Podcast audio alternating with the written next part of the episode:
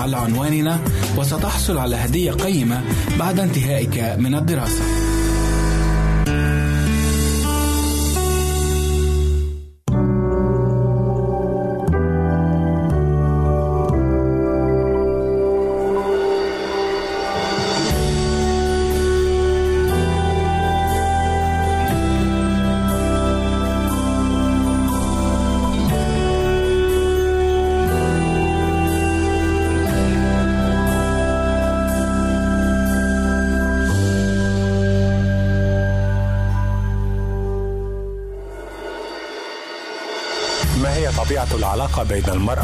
والقائد الروحي أو الأخلاقي له.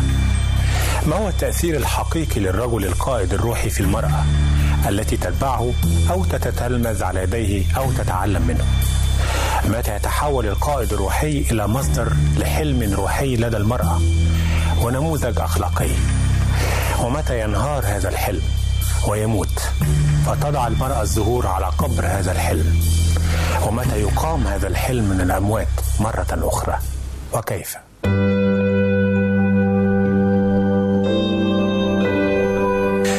وسهلا بكم النهاردة في حلقة جديدة من برنامج علاقات رمادي. حلقة اليوم وشخصيتها نقدر نسميها كالآتي. امرأة الزهور على قبر الحلم. شخصية اليوم امرأة علاقتها مع الرجل والإنسان الكامل والمثالي والمثل الأعلى والأعظم يسوع المسيح. كانت علاقة فريدة. صارت تلك العلاقة مادة غنية جدا ليست فقط للتأملات والدراسات الروحية المسيحية بل أيضا للخيال, للخيال الإنساني والإبداع الفني عامة. في الموسيقى والأدب والفن والتشكيل والدراما وغيرها. وذكرت هذه الشخصية 14 مرة في الإنجيل أو العهد الجديد. شخصية اليوم مريم المجدلية أشهر شخصية نسائية تناولها إبداع الإنسان في علاقتها بالسيد المسيح. أحيانا الإبداع ده كان بخيال خصب موضوعي وأحيانا كان بخيال مريض. فهناك الأعمال التي تمجد العلاقة بينها وبين السيد المسيح كعلاقة روحية حميمة راقية وهناك أعمال أخرى تنزل وتهبط بهذه العلاقة إلى مستوى هابط من الخيال الملوث بفكر الشيطان. لكن الكتاب المقدس الحقيقة أوضح بجلاء سمو هذه العلاقة بين مريم المجدلية كامرأة تابعة للمعلم الأعظم يسوع المسيح كانت تتتلمذ على يديه. لكن السؤال في الملامح الفنية كيف تناول الفن علاقة مريم المجدلية بالسيد المسيح؟ وهي علاقة الإيمان والتحرير والخلاص. لوحة روبنز الشهيرة نزول الصليب. تصور هذه اللوحة الشهيرة مريم مجدلية ومعها مريم زوجة كلوبة وهما يقدمان المساعدة ليوسف ونيكوديموس في استلام جسد المسيح الممزق من على خشبة الصليب لتجهيزه كي يدفن في قبر جديد في البستان. ظلت مريم مجدلية جالسة تجاه القبر أمام القبر. تنتظر وتنظر حتى وضع يوسف جسد المسيح فيه. بكثير من الشفقة والشغف والحنان والألم. فماذا عن شخصية مريم المجدلية؟ التي شغلت اللاهوتيين ورجال الله كما شغلت الفنانين والمبدعين. ماذا عن علاقتها بالمسيح التي سمت وعلت وتفردت عن علاقات كثيرة أخرى بالسيد المسيح؟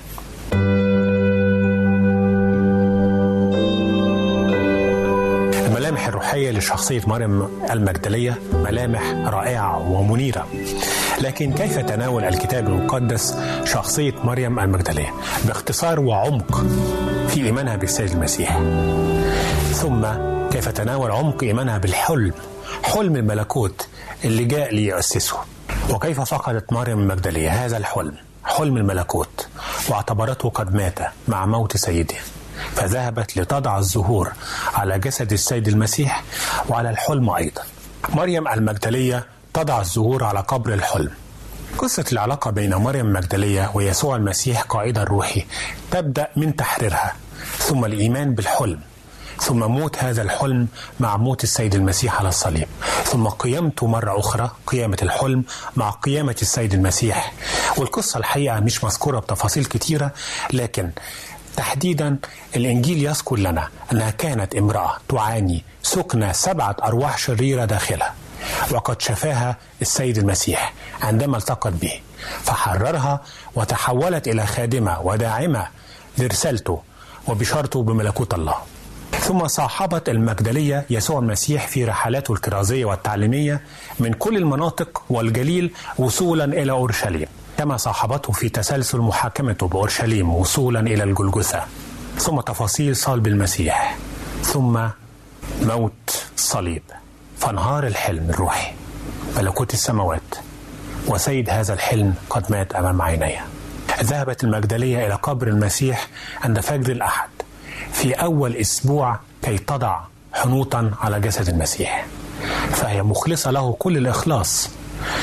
وكأنها تضع الزهور على الحلم بملكوت السماوات الذي دعا إليه ملك الملوك يسوع المسيح. وكأنها تقر مثل بقية أتباعه أو تلاميذه بانتهاء الرسالة على الصليب. وجدت مريم المجدلية القبر فارغا والحجر مدحرجا فبكت على سيدها. لكن جاءها يسوع المسيح وأعلن لها ذاته وقيمته بل كلفها بنقل بشارة قيمته إلى تلاميذه فقام معه الحلم أو الحلم من جديد. ولكن كيف نفهم المزيد عن شخصية مريم المجدليه عندما ذهبت بكل جرأة عند أول خيوط النهار كي تضع العطور على جسد مخلصها. كيف نفهم ذلك من الظروف التاريخية والثقافية آنذاك؟ ده بيؤدي بنا إلى الملامح الروحية لشخصية مريم المجدلية والعلاقة مع السيد المسيح. ملامح مريم المجدلية ممكن اختصار اختصارها في الآتي.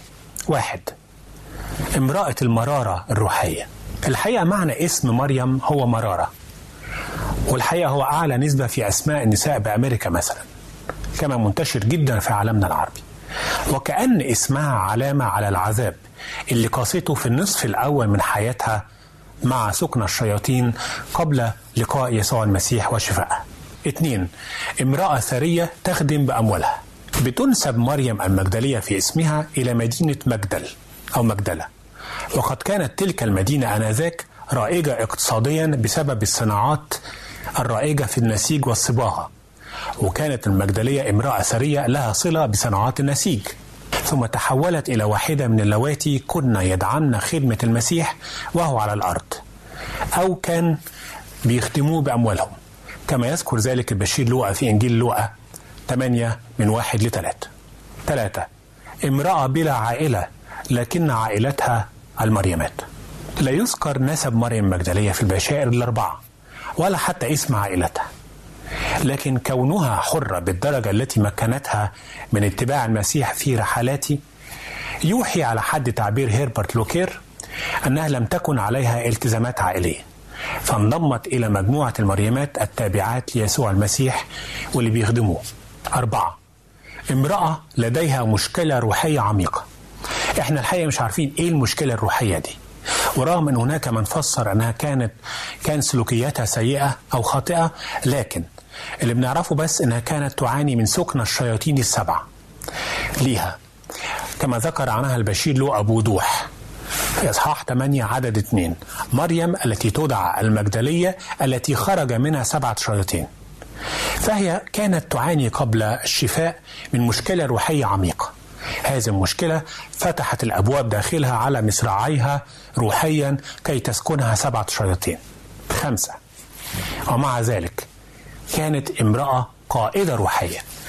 ذكرت مريم مجدلية 14 مرة في الأناجيل باعتبارها من النساء الخادمات للسيد المسيح وبشارته والحقيقة هي كمان تذكر دائما في المقدمة مما يدل على قيادتها أو دورها القيادي وسط هؤلاء النسوة. ستة امرأة مخلصة للمعلم.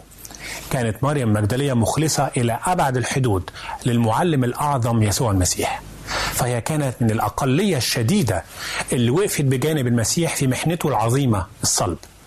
رغم التهديد بأنها قد تدفع ثمن إخلاصها هذا باهظا إلا أنها كانت تقف مع أمه وأخت أمه مريم زوجة كلوبة وقد أطلق أو أطلق عليهن المريمات في مشهد أبلغ من آلاف الكلمات تعبيرا عن إخلاص المرأة في الخدمة والمحبة الروحية العفيفة. سبعة امرأة محل تقدير غير عادي.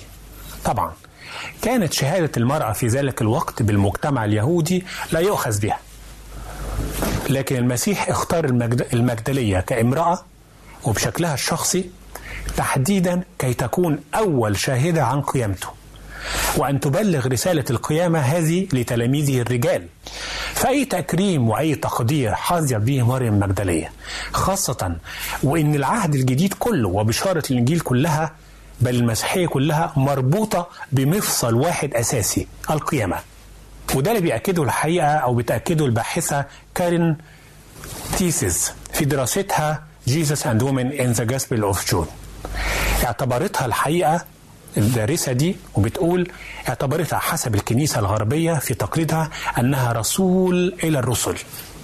وده كان أمر غير عادي لامرأة في ذلك الوقت. كما اعتبرت معلمة الرجال لمبدأ القيامة وحقيقتها. فهي أوصلت إليهم خبرتها الشخصية بعقيدة القيامة زي ما شافت المسيح لحما ودما قائما من الأموات. بالرغم من أن النساء آنذاك لم يكن لهن الحق في التعليم الديني. عشان كده إن كانت هذه هي الملامح الروحية لمريم المجدلية بعض ملامحها الروحية وعلاقتها الفريدة بيسوع المسيح كقائد روحي ومخلص ومحرر لها كما رسمها الكتاب المقدس. ماذا عن الملامح النفسية لشخصية مريم مجدلية كامرأة ما زالت موجودة في عصرنا هذا وتحتاج إلى المزيد من الفهم والتفهم في شخص نساء كثيرات.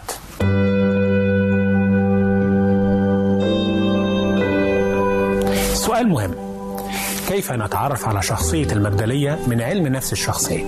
الحقيقة قبل اللقاء بالمسيح القائد الشافي كان لها صفات نفسية وبعد اللقاء بالمسيح القائد والشافي لها أصبح لها صفات نفسية جديدة.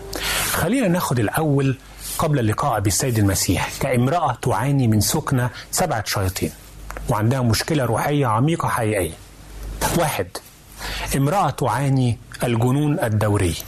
كانت مريم مجدلية تعاني مما يمكن أن يسمى الآن الجنون الدوري أي الجنون الذي يداهم صاحبه على فترات منتظمة. كما أن تعبير السبعة شياطين الذي وصفت به مريم سبعة شياطين معناها أنه كان هناك سبعة أرواح نجسة تسكنها محاولة منهم لتدميرها على كل المستويات. عشان كده نمرة اتنين امرأة تعاني آلاما نفسية مبرحة. تعبير سبعة شياطين يدل على كمال الألم والمعاناة لأن تعبير سبعة هو الكمال في الكتاب المقدس. وهو الألم والمعاناة الكاملة تقريبا من جراء سكن الأرواح النجسة داخل المجدلية حيث العذاب النفسي الذي لا يوصف والألم الداخلي الرهيب. وهناك تفسيرات الحياة بتقول أو بتذهب إلى أن هذه السكنة الشيطانية الكامنة في مريم المجدلية كان ليها تعبيرات نفسية جسدية زي الصرع والاضطرابات العصبية والهياج النفسي والعصبي. إلى جانب الصراع العقل الرهيب اللي كان بيسلبها إرادتها كثيرا دي كانت صفات نفسية لمريم مجدلية قبل شفاء من سيد المسيح بعد اللقاء بيسوع القائد والشافي كان لها صفات نفسية أخرى تماما وكأنها تحولت بالفعل 180 درجة. واحد امرأة مشفية نفسيا محررة عقليا. شفاها السيد المسيح من اللبس الشيطاني. فتحولت من امرأة مصابة بالجنون واضطراب عقلي من جراء الأرواح النجسة إلى امرأة مشفية محررة بالكامل من معاناتها النفسية والعقلية ومن عذاباتها التي كانت مركزا لنشاط شيطاني مدمر. امرأة بعقلية التلميذ. بعد أن تحولت المجدلية 180 درجة من حياة الاضطراب النفسي والروحي إلى حياة الهدوء والاتزان كان ينقصها التلمذة. لذلك المعلم العظيم مش بس اللي كان بيشفي لكن كان بيحول الكيان المريض إلى كيان روحي سليم وعافي يستطيع أن يخدم ومملوء بفكر الله. وقد تركت المجدلية مدينتها لتتبع المعلم العظيم في كل رحلاته الكرازية والتعليمية للخلاص وكانت بتتعلم منه وعلى يديه كل أقواله وسلوكياته. ثلاثة امرأة مصلوبة تضامنا مع قائدها الروحي أيوة سجل الوحي المقدس عن مريم مدنية إنها كانت بين النسوة اللواتي اتبعن المسيح في رحلته الأخيرة من الجليل إلى أورشليم. فكانت بالتالي حاضرة مع النساء الأخريات عند محاكمة السيد المسيح من المحاكمة حتى الجلجثة على صليب العار. مريم مجدلية الحقيقة بتضامنها مع المعلم والقائد الروحي يسوع المسيح في كل هذه الرحلة رحلة الآلام كأنها بالضبط صلبت معه. لأن العلاقة الروحية النبيلة التي جمعتهما معا هي علاقة ليست فقط على مستوى المشاركة الوجدانية لما بنحط نفسنا مكان الشخص اللي بنحبه بل الوقوف في نفس منطقة الخطر والموت معا. وكأن مريم مجدلية تبعت السيد المسيح بصليبها الخاص بدموعها وانكسار قلبها عليه. كما مشت طريق الجلجثة معاه بألمها النفسية وإحباطها الروحي إذ كانت ترى بعينيها أن الحلم يتحطم بل يموت. حلم الملكوت وحلم السيد. أربعة امرأة مقامة من الأموات مع حلمها. كانت مريم مجدلية آخر من ترك الصليب وأول من ذهب إلى القبر فجر الأحد. لأنه كان في تلك الأيام لابد أن لا يتم وضع الحنوط على جسد الميت يوم السبت. ففي وقت موت المسيح كان يوم الاستعداد والسبت يروح حسب بيقول الكتاب المقدس وتبعته نساء كنا قد أتينا معهم الجليل اللي هي بين قوسين من ضمنهم مريم مجدلية بعدين بيقول الكتاب فرجعنا وأعددنا حنوطا وأطيابا وفي السبت استراحنا حسب الوصية. إنجيل لوقا 8 23 56 فانتظرت مريم مجدلية عند أول خيوط يوم الفجر فجر الأحد. كي تذهب وتضع عليه الحنوط تكريما وحبا له. وهناك اكتشفت قيامة السيد المسيح.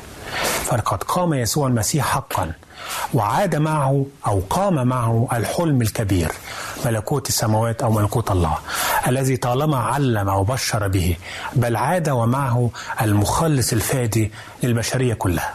والسؤال ماذا يمكن أن نتعلم من شخصية مريم المجدلية التي نالت التحرير الروحي والنفسي من خلال علاقتها بالرجل والإنسان الأعظم والمخلص الأول يسوع المسيح؟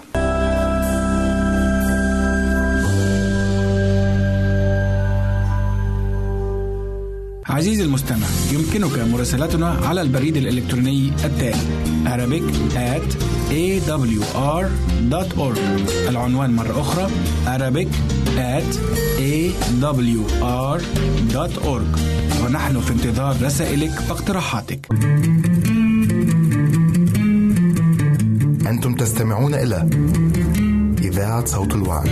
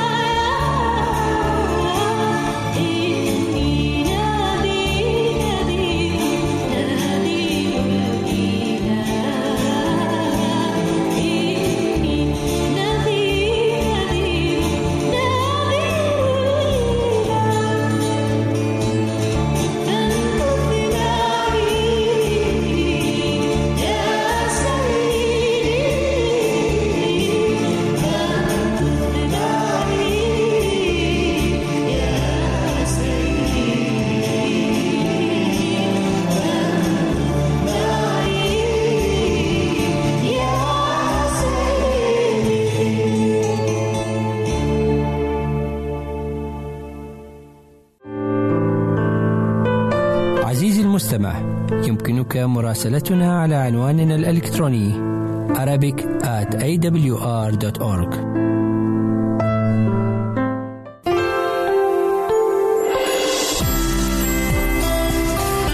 هنا إذاعة صوت الوعد. لكي يكون الوعد من نصيبك.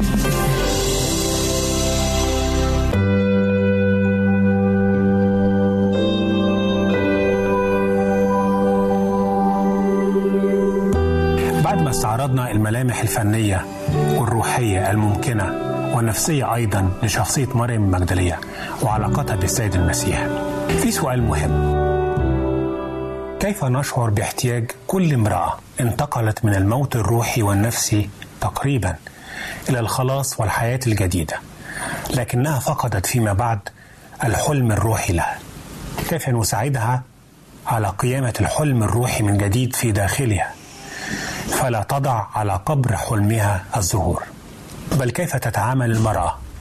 كل مجدلية حاليا مع موت حلمها روحيا ونفسيا.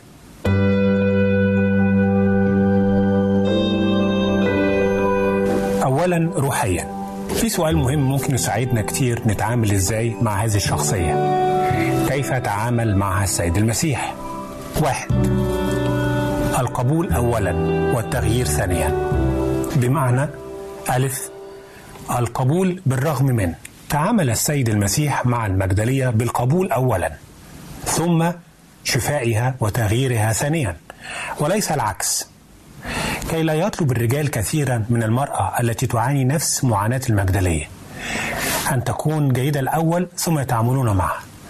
لذلك سجل عن السيد المسيح أنه يقبل الخطاة والعشارين إلى درجة أن تحول هذا الأمر إلى تهمة أخلاقية وروحية وجهت إليه من قبل المتدينين المتزمتين آنذاك. باء. معلمة خارج التقاليد. نعم.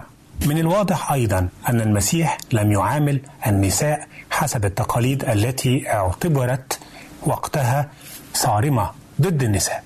واعتبرت النساء مواطنين من درجة تانية حسبما ورد في التفسير التطبيقي للكتاب المقدس. لكن تحولت الحقيقة مريم مجدلية إلى معلمة خارج التقاليد. اثنين إحياء الحلم الروحي. إزاي نحيي الحلم الروحي عند أي امرأة جديدة في الإيمان لديها إحباط روحي؟ ألف انتصار الخير على الشر. هذا الحلم كان لدى مريم مجدلية يعني انتصار الخير على الشر وتأسيس وانتشار ملكوت الله وليس ملكوت إبليس اللي سيطر عليها في النصف الأول من حياتها وكاد أن يدمرها بالكامل. إذا هناك فكرة تبدأ بضرورة انتصار الخير على الشر. باء عودة الرجاء. قصد السيد المسيح بعد قيامته ولقائه المبهر بمريم مجدلية عند القبر الفارغ أن تكون مريم مجدلية تحديدا هي رسول القيامة وحامل رسالة الأمل والرجاء وعودة الحلم من جديد إلى الجميع. فكلفها بذلك فعاد إليها الحلم من جديد ومثلها كثيرات. مثلها كل امرأة تحب الله وتكن الاحترام لمعلمها الروحي أو معلمها الأخلاقي. وتمر في فترات اليأس والإحباط الروحي وموت الحلم أو ما يسمى الرؤية الروحية. مثل هذه المرأة تحتاج لمن يأخذ بيديها مرة أخرى. تحتاج لمن يعيد إليها الأمل والرجاء والحلم من جديد. من خلال مسؤولية جديدة وتكليف جديد وبرهان جديد على أن الله ما زال يعمل. المسؤولية الجديدة تعطي الشخص بعدا جديدا واملا جديدا في حياته. ثانيا كيف نشجع النساء في بداية حياتهم الروحية إن أصيبوا بالإحباط الروحي. واحد دحرجه الحجر النفسي. ألف خلينا نسأل سؤال مهم. لمن دحرج الحجر؟ هل الحجر دحرج وده صيغة للمجهول للمسيح المقام من بين الأموات؟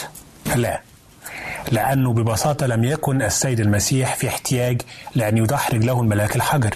لكن الحقيقة الحجر تمت إزاحته أو دحرجته خصيصا لأجل مريم المجدلية كي تأتي وتعاين بنفسها القيامة المجيدة لسيدها ومعلمها ومخلصها.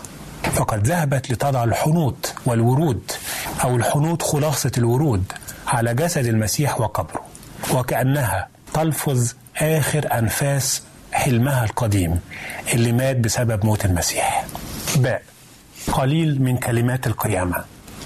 إن الحجر الحالي الجاثم على قبر أحلام كثير من النساء في أيامنا هذه زي مريم مجدلية هو مش من حجارة عادية بل هو الإحباط واليأس وموت الحلم خلف هذا الحجر أو تحت هذا الحجر.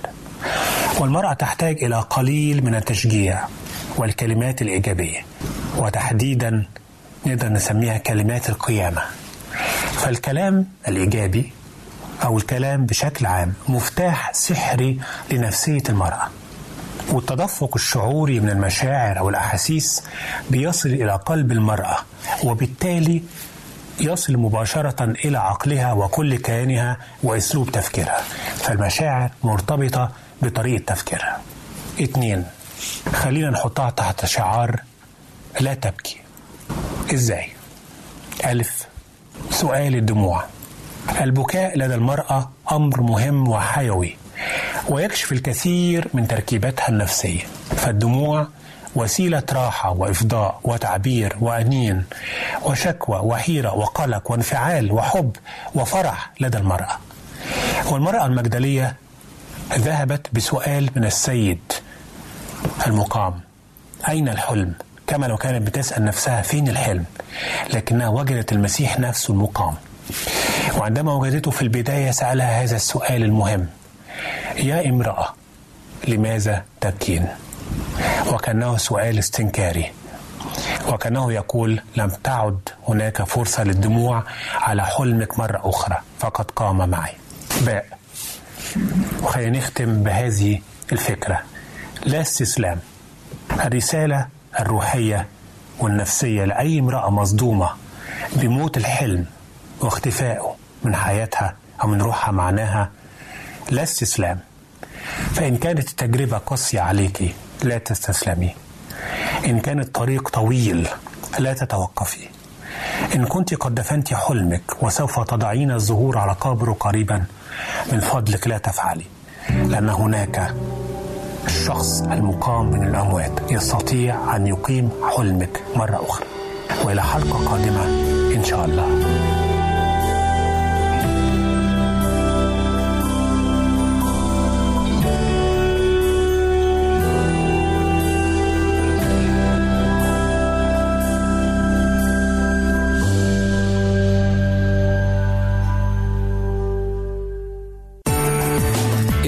دراسة الكتاب المقدس يمكنك الكتابة إلينا على عنواننا وستحصل على هدية قيمة بعد انتهائك من الدراسة.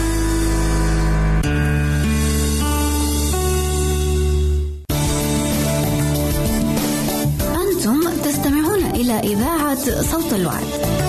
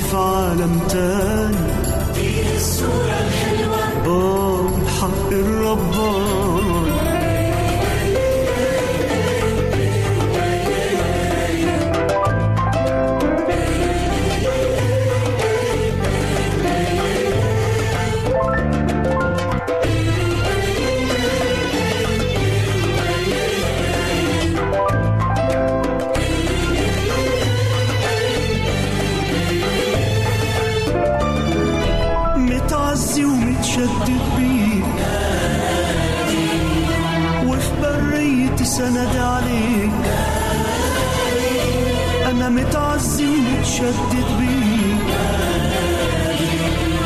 وفي بريتي سند عليك حتى إن كان صوت الريح مش هادي. هدي وداني لصوتك واعبر هادي. هدي وداني لصوتك واعبر هادي.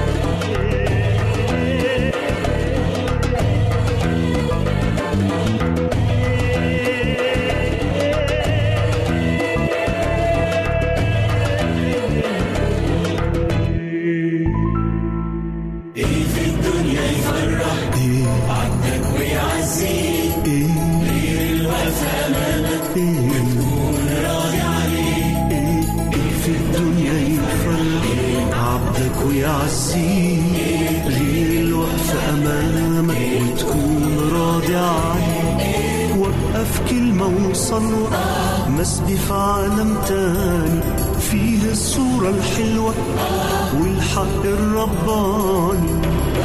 كلمة وصل آه مسبي في عالم تاني. فيه الصورة الحلوة آه والحق الرباني.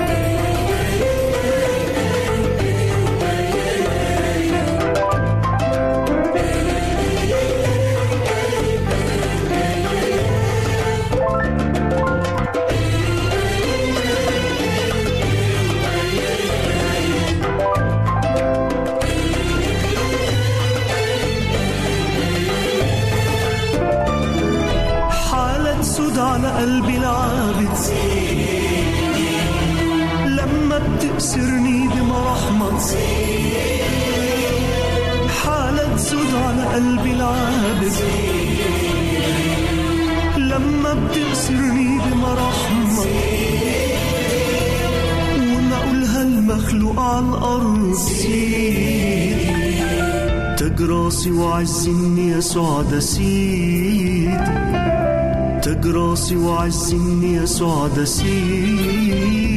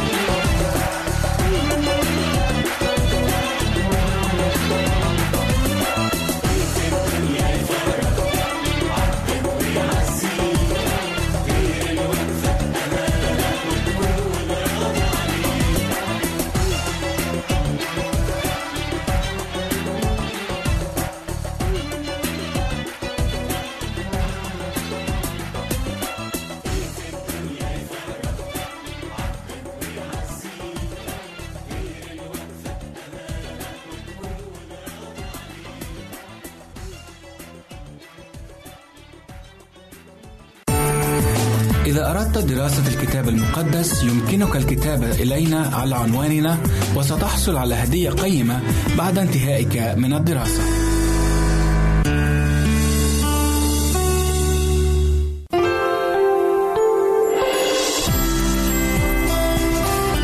هنا إذاعة صوت الوعد. لكي يكون الوعد من نصيبك.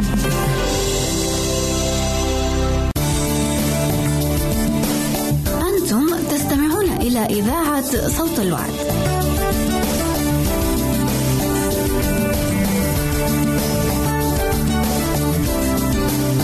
أهلا وسهلا بكم أحبائي المستمعين والمستمعات في حلقة جديدة من برنامجكم أمثال الحكيم. النهاردة الحكمة اللي هيقولها لنا سليمان الحكيم مأخوذة من سفر الأمثال إصحاح 11 وعدد 12 يقول الحكيم المحتقر صاحبه هو ناقص الفهم. أما ذو الفهم فيسكت. أحبائي النهاردة سليمان بيتكلم عن الفرق بين الإنسان ناقص الفهم والإنسان اللي عنده فهم أو ذو الفهم. الاتنين بيتصرفوا تصرفات مختلفة عن بعضهم البعض. سليمان بيقول هنا أحبائي بيقول إن الإنسان اللي بيحتقر صاحبه هو إنسان ناقص الفهم.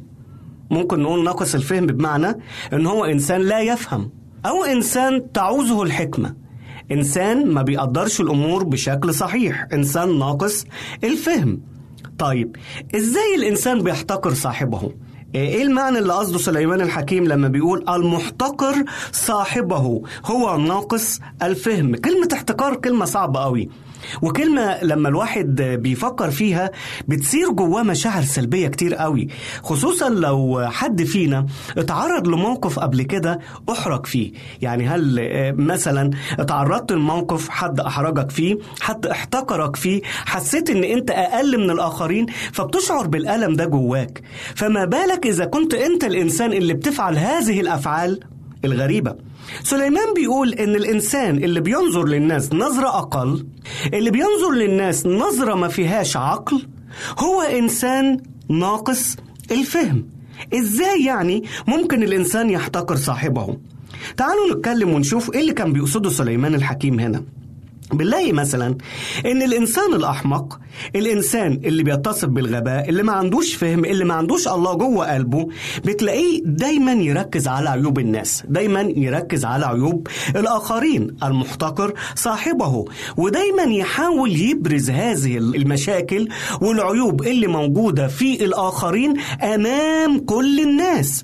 وده بنلاقي إن الصفة المميزة للإنسان الغير عاقل.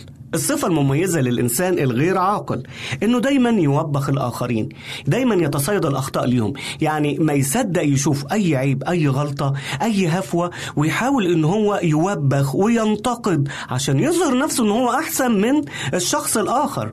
ويا ريت بيعمل كده في السر. لا ده كمان الراجل أو الشخص اللي هو ناقص الفهم لما بيجي يوبخ بيعملها إزاي؟ بيعملها في العلن بيعملها قدام الناس ما بيصدق يلاقي عيوب في الناس على أساس إن هو يظهرها للآخرين.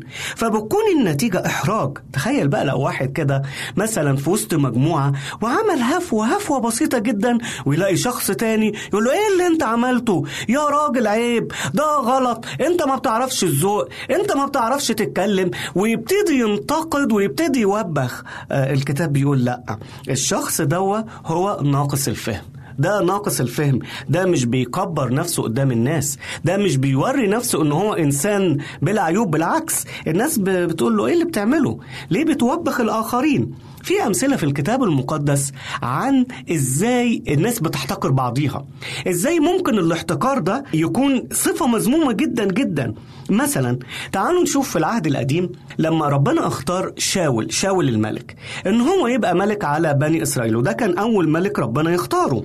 الشعب لما شافوا شاول البعض منهم قال إيه؟ مين شاول؟ ده من بيت مين؟ ده من سبط إيه؟ من سبط بنيامين؟ مين شاول؟ مين عيلته؟ وابتدوا يحتقروه ويحتقروا اختيار الرب. هنا لاحظ بقى وبنلاحظ هنا رد الفعل. شاول عمل إيه؟ شاول سكت صمت. ليه؟ لأنه هي- هيدافع عن نفسه يقول إيه؟ ما هو سبته فعلا هو أصغر الاسباط في إسرائيل وهو من أصغر العائلات. ولكن الناس اللي احتقرته احتقرته من غير ما يشوفوا إمكانياته من غير ما يختبروه من غير ما يعرفوا هل هو مؤهل ولا لأ من غير ما يدركوا هل رأيهم صح أو غلط إلى أن ربنا استخدمه وعمل بيه نصرة لشعب إسرائيل. بعديها قالوا آه لا ده إحنا كنا غلطانين. طب ما كان من الأول تصبروا شوية. ليه بتحتقر غيرك؟ عشان أقل في المكانة أقل في العيلة أقل في الإمكانيات. أنت تظن أنه هو غير قادر على فعل مسؤولياته؟ اصبر انتظر ولا تحقر من الآخرين. حتى الرب يسوع لما جه على الأرض لما ابتدى خدمته آه، الاحتقار ما, ما سابش الرب يسوع. قادة اليهود نفسه احتقروه. مين ده؟ مين ده؟ الشعب نفسه احتقر الرب يسوع. مش هو ده يوسف النجار اللي أمه اسمها مريم واللي إخواته فلان وفلان وفلان؟ مين هم دول؟ دول من عامة الشعب. وللأسف ده كان عائق شديد جدا جدا جدا إن هم يرفضوا رسالة الخلاص اللي كان بيقدمها لهم وهلكوا بسبب احتقارهم للرب يسوع. شفتوا الاحتقار بيعمل إيه للناس؟ شفتوا الاحتقار؟ أفتكر أيضا فرعون. فرعون لما موسى جه بيقول له آه، ربنا بعت لي وبيقول لي اخرج الشعب من أرض مصر. آه، فرعون كده بكل تصرف يقول له مين هو إلهك؟ أنا ما أعرفش إلهك ده أنا ما أعرفش إلهك. ليه؟ لأن حسب اعتقاد المصريين كان الفرعون هو الإله. فمين إله إسرائيل ده اللي يجي ويفرض عليا شيء أنا مش عايزه؟ واحتقر احتقر إله إسرائيل. وكانت النتيجة إيه؟ كانت النتيجة إن فرعون غرق في البحر هو وجنوده. شفتوا نتيجة احتقار الآخرين يا أحبائي؟ الكتاب بيقول سليمان بيقول لنا ما تحتقرش حد. ما تحتقرش حد. ما تشهرش بالناس.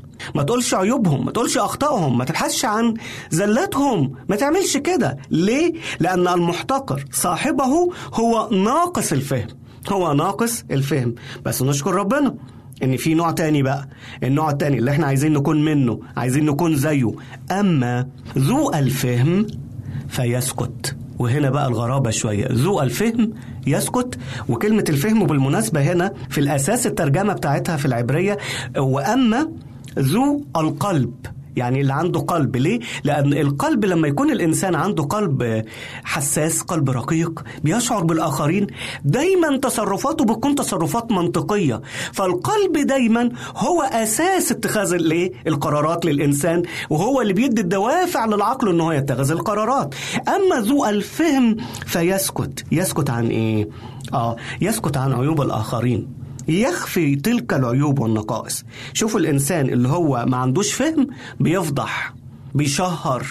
لكن الإنسان اللي هو عنده فهم الإنسان الحكيم الإنسان اللي جواه المسيح في قلبه يسكت يسكت ليه؟ لأنك ليه أتكلم عن الآخرين؟ ليه أشهر بيهم؟ ليه أحاول أن أنا أخليهم في مكان أقل من الآخرين؟ ليه أخلي الناس يبص لهم أو ينظروا لهم نظرة سيئة لا ما ينفعش ما ينفعش عشان كده الإنسان الحكيم دايما بي- بيفكر قبل ما يتكلم. مش كل كلمة يقولها. وإذا مثلا آه، بنواجه ناس كتيرة إحنا أحبائي نقول طب وده أقول عنه إيه؟ طب ما أنا مش لاقي كلام كويس أقوله عنه. طيب مش لاقي كلام كويس أسكت ما تتكلمش. خلاص الحل كده. سليمان الحكيم بيدينا الحكمة دي. أما ذو الفهم فيسكت. يسكت عن إيه؟ إذا أنت اللي قدامك مش لاقي فيه حاجة كويسة تتكلم عنها ما تذكرش الحاجة السيئة اسكت ما تتكلمش أساسا ليه؟ لأن الإنسان المؤمن بيعرف الحقيقة دي إيه هي الحقيقة؟ إن مفيش ولا إنسان منا إلا وله عيوبه وليه أخطائه مهما كان الإنسان ده حكيم مهما كان الإنسان ده آه، متعلم مهما كان الإنسان ده مقتدر في الفكر مهما كان الإنسان ده ليه إمكانياته ولكن جميعا بلا استثناء لينا عيوبنا ولينا أخطائنا ولينا نقاط الضعف اللي فينا. طيب ليه أنا أعاير غيري؟ إذا أنا نفسي فيا نقاط ضعف. آه عشان كده الحكيم ذو الفهم ذو القلب اللي بيشعر بين الناس يسكت يصمت. النتيجة النتيجة إيه؟ تخيل لما يكون الإنسان بيحترم الآخرين. تخيل لما يكون الإنسان بيستر عيوب الآخرين.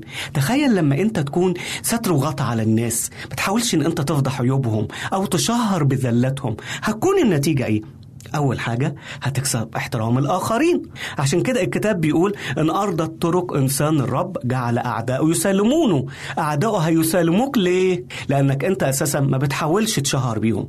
ما بتحاولش تقول الكلمة الوحشة اللي عنهم.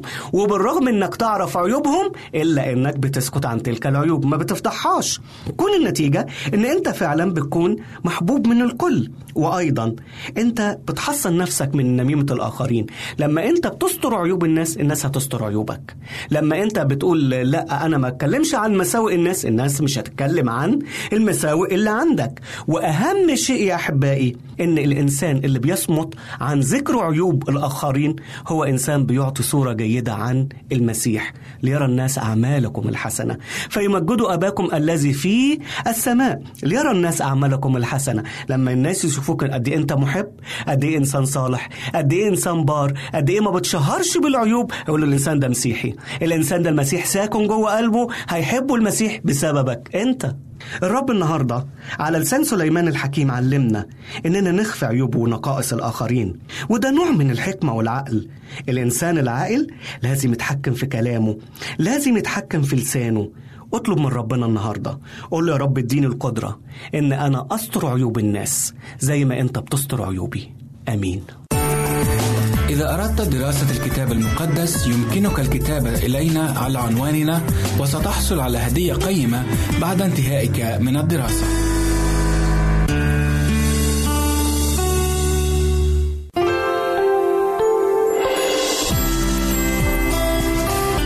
هنا إذاعة صوت الوعد. لكي يكون الوعد من نصيبك.